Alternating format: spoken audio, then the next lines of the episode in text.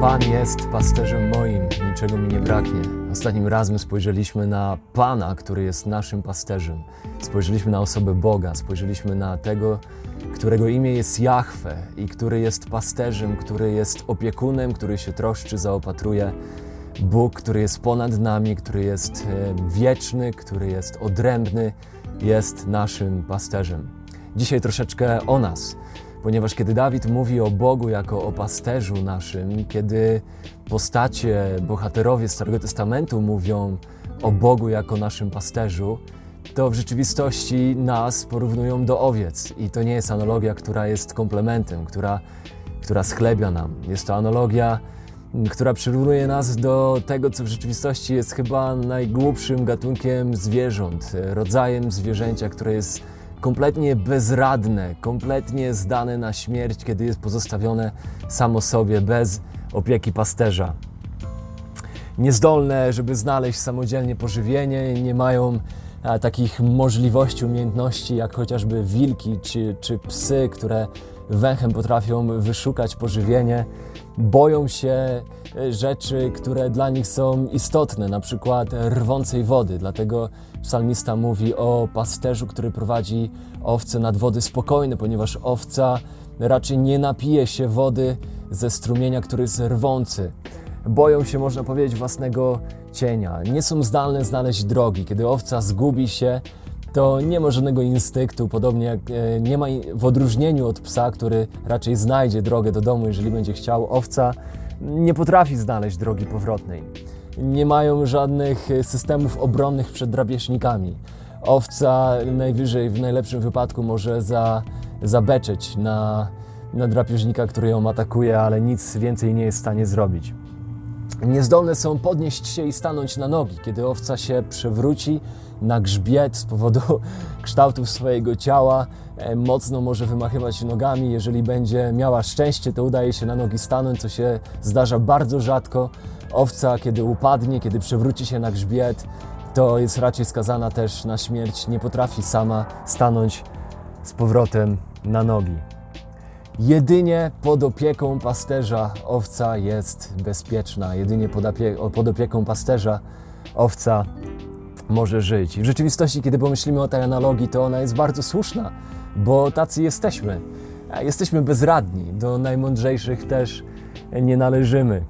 Myślimy o sobie, że jesteśmy silni, że jesteśmy niezależni, zwłaszcza człowiek XXI wieku, który był w stanie wylądować na Księżycu i osiągnąć niesamowite rzeczy technologicznie, to w rzeczywistości jest tak, że nie potrafimy znaleźć pożywienia. Nie potrafimy znaleźć pożywienia dla własnej duszy. Robimy rzeczy, w życiu podejmujemy się rzeczy, które potem okazuje się, że wciąż pozostaje głód wewnątrz nas. Nie potrafimy wypełnić tej luki, która w środku jest. Jesteśmy puści, obładowani dookoła wieloma rzeczami i osiągnięciami cywilizacji, a jednak wewnętrznie wewnętrznie puści, zastanawiający się, czy jest coś więcej, czy cel, dla którego żyje, jest właściwym celem i tak dalej, i tak dalej. Stale jesteśmy niezadowoleni, stale jesteśmy niezaspokojeni. Wpadamy w samo niszczące nawyki.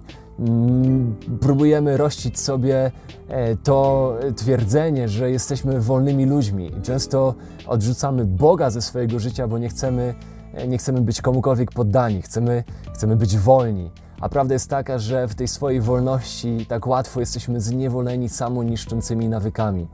Mm, e, mężczyzna, kobieta, którzy dla 15-30 minut rozkoszy są w stanie poświęcić swoją reputację, swoją rodzinę, wszystko do tej pory budowali dla, tylko temu, żeby zaspokoić jakąś pożądliwość swojego ciała z inną osobą. Jesteśmy ciągle zniewalani pożądliwościami własnego ciała, jak nazywa to, to Biblia. Nie potrafimy powiedzieć nie swoim zachciankom, temu, o co woła nasze ciało, nawet kiedy wiemy, że są to rzeczy niszczące. Nie potrafimy się wydostać z tych zniewalających nas nawyków.